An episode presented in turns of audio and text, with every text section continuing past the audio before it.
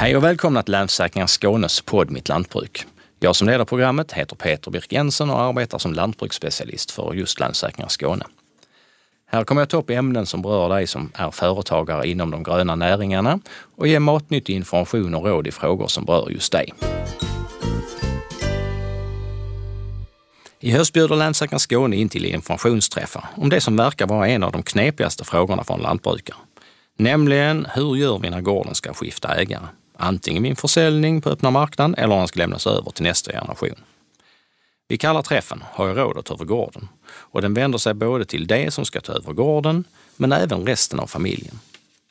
Vår affärsspecialist Ingvar Karlsson på Länssäkringar Bank ger tips och råd och så har vi faktiskt bjudit in Stefan Gustafsson från husenskapet HIR Skåne som berättar om de ekonomiska förutsättningarna för framtidens lantbrukare.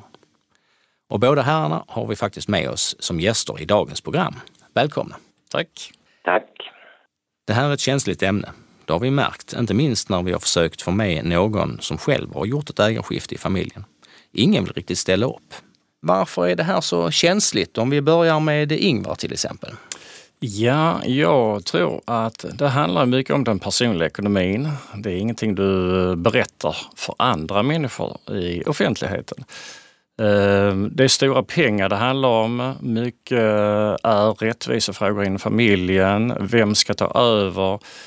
Ehm, den som överlåter, var ska, den, var ska den ta vägen? Var ska den bo någonstans? Väldigt mycket stora frågor som påverkar livet. Ehm, så jag tror det är en del i det hela i alla fall. Vad säger du Stefan? Har du någonting att tillägga där varför det är så känsligt det här? Jag tror Ingvar är ganska rätt på det och vi har ju märkt när man pratar med lantbrukare offentligt alltså diskuterar resultat i grödor och produktion och grisar och liknande, det är inga problem.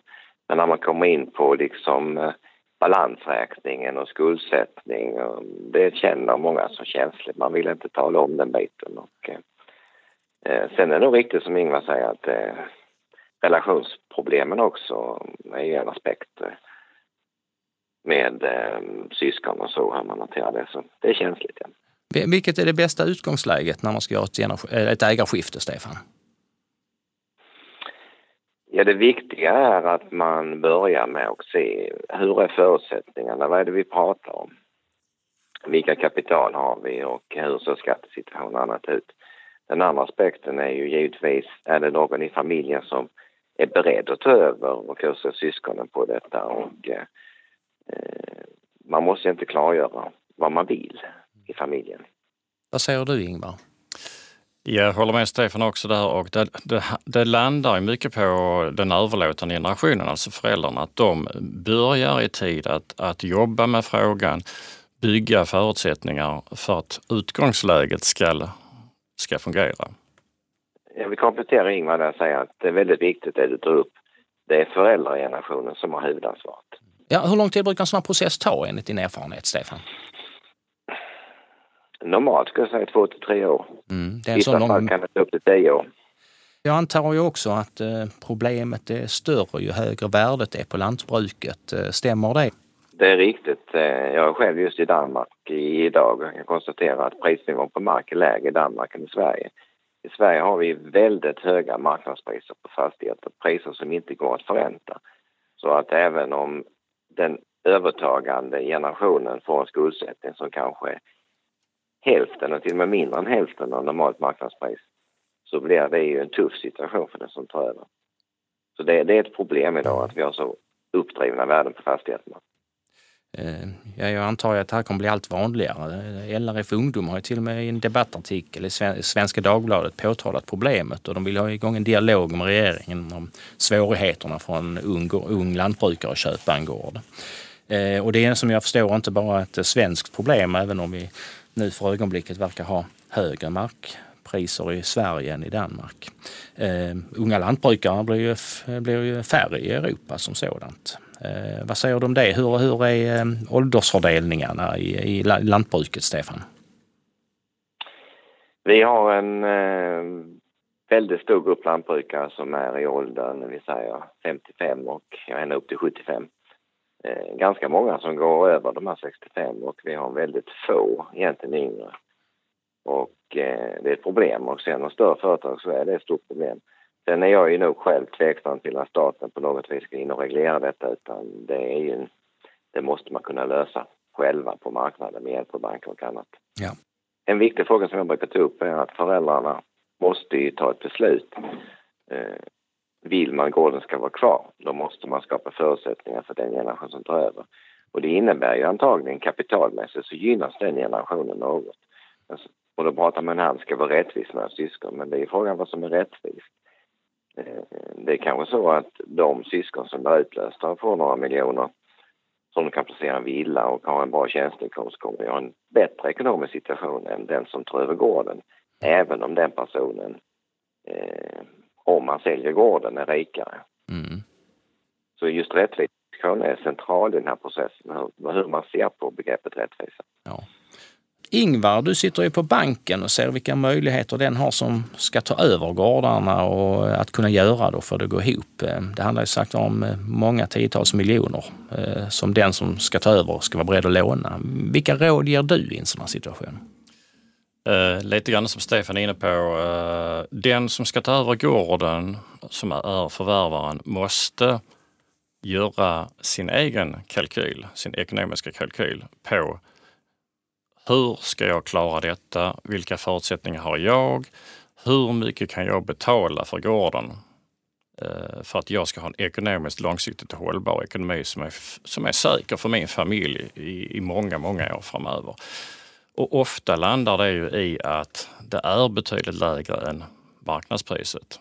Eh, men det är ju de förutsättningar som förvärvaren har och måste ta ställning till. Och det är ju även så att banker ger ju inte några, lån om inte det finns eh, kassaflöde i verksamheten Nej. som klarar av eh, det åtagandet som då förvärvaren gör. Eh, och det är ju ännu svårare idag med de räntorna vi har idag, jättelåga räntor. Eh, vi måste ju ta höjd för att vi har höjda räntor framöver och hur påverkar det kassaflödet, alltså då pengarna som blir över i företaget och eh, påverkar det kanske också marknadsvärdena på fastigheterna om räntan går upp. Så det är mycket att förhålla sig till och simulera och göra lite känslighetsanalyser för sig själv. För att göra processen lite mer lätthanterlig så har Länssäkringar tagit fram ett material som familjer kan gå igenom inför ett ägarskifte. Eh, kan du berätta Ingvar vad det går ut på? Ja, det är ju för att man ska ha någonting i handen. För det är ju så när vi har våra träffar och berättar och informerar om just eh, ägarskiften så är det kanske lätt om man sitter och lyssnar. Ja, men så, så där ska jag göra, så där ska jag göra. Va? Men när man kommer hem till övriga familjen och ska återberätta allt det här så är det svårt att hålla isär begreppen och vad måste jag göra och vem ska göra vad. Och då har vi tagit fram två olika PM eh, där det finns tre olika delar. Ett som heter planera Eh, ett som heter utvärdera och ett som heter genomföra. Och då är där en checklista under respektive avsnitt eh, som då är som stöd i arbetet. All fakta som måste tas fram, rättvisefrågor, kompensationen eh, och kalkylerna där som ska göras och framförallt ta beslut om hur man vill gå vidare. Och det har jag förstått att det är ett väldigt bra material att ha i familjen och använda under processens gång som då kan ta flera år. Mm. En, en, lista kort sagt. Vad ska mm. man tänka på och vad, vad behöver man ta reda på? Mm. Ni på HIR eh, kommer kanske in tidigare i processen än vad Ingvar gör. Vilka råd brukar ni ge till den som vill ta över gården? Alltså, hur ser prognoserna ut idag? En viktig aspekt för den som planerar att över en verksamhet är ju att han, ska tänka, han eller hon ska tänka igenom sin situation. Och kanske både han och hon, för det är en familj som ofta berörs. Eh, vad är det man vill egentligen? Eh, vad har man själv för mål och eh, hur vill man jobba? Och, eh, kanske inte vara fixerad vid eh, fars sätt att driva gården. Sen tror jag också det är en väldigt stor fördel om man kan göra övergången över en längre tid av år. Det vill säga man kanske tar över en del av driften, man kanske arrenderar gården och driver den några år, får känna på det och att vara företagare.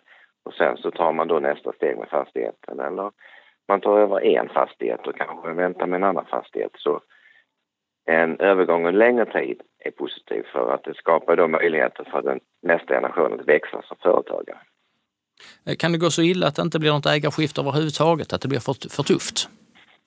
Ja, det kan det nog göra om eh, vi har en familj som säger att det är bara pengarna som gäller. Mm är det tre till fyra barn och eh, man i familjen säger att det ska vara lika mycket pengar till var och en, då blir det för tufft för den som ska ta över, normalt sett. Så det kan ju gå så illa. Och eh, då finns det ju olika möjligheter. Antingen så blir det inget generationsskifte om man arrenderar ut gården eller så säljs, säljs ju fastigheten. Arrende som sådant, är det, är det vanligt att man arrenderar av sina syskon till exempel då för att eh, man ska då ha ett gemensamt ägande trots allt? Eh, personligen är jag väldigt negativ till gemensamt ägande av jordbruksfastigheter och i synnerhet om man har en lösning att ett syskon äger och ett driver. Mm. Då är det ju bättre i så fall om det till exempel är två fastigheter att eh, man låter den som ska ta över driften ta över huvudgården så kanske syskon äger en gård om man skriver ett arrendeavtal. Men tyvärr så brukar det också leda till att eh, när de ska förnya avtalet så blir det diskussion om det. Så att eh, idealsituationen är att man kan föra över hela företaget till ett syskon, men det kanske inte är möjligt. Nej, just det. Ehm, om vi säger som så att eh, ni skulle ge era tre bästa råd till de familjer som ska göra ett ägarskifte nu eller framtiden. Om eh, vi börjar med Ingvar, vilka är dina tre bästa råd? Ja, eh, först börja i tid. Det är viktigt att man börjar långt, långt tidigare än vad man egentligen tänker sig man behöver börja. Och det handlar om den överlåtande generationen då. Man måste tänka igenom att sätta av till pensionen.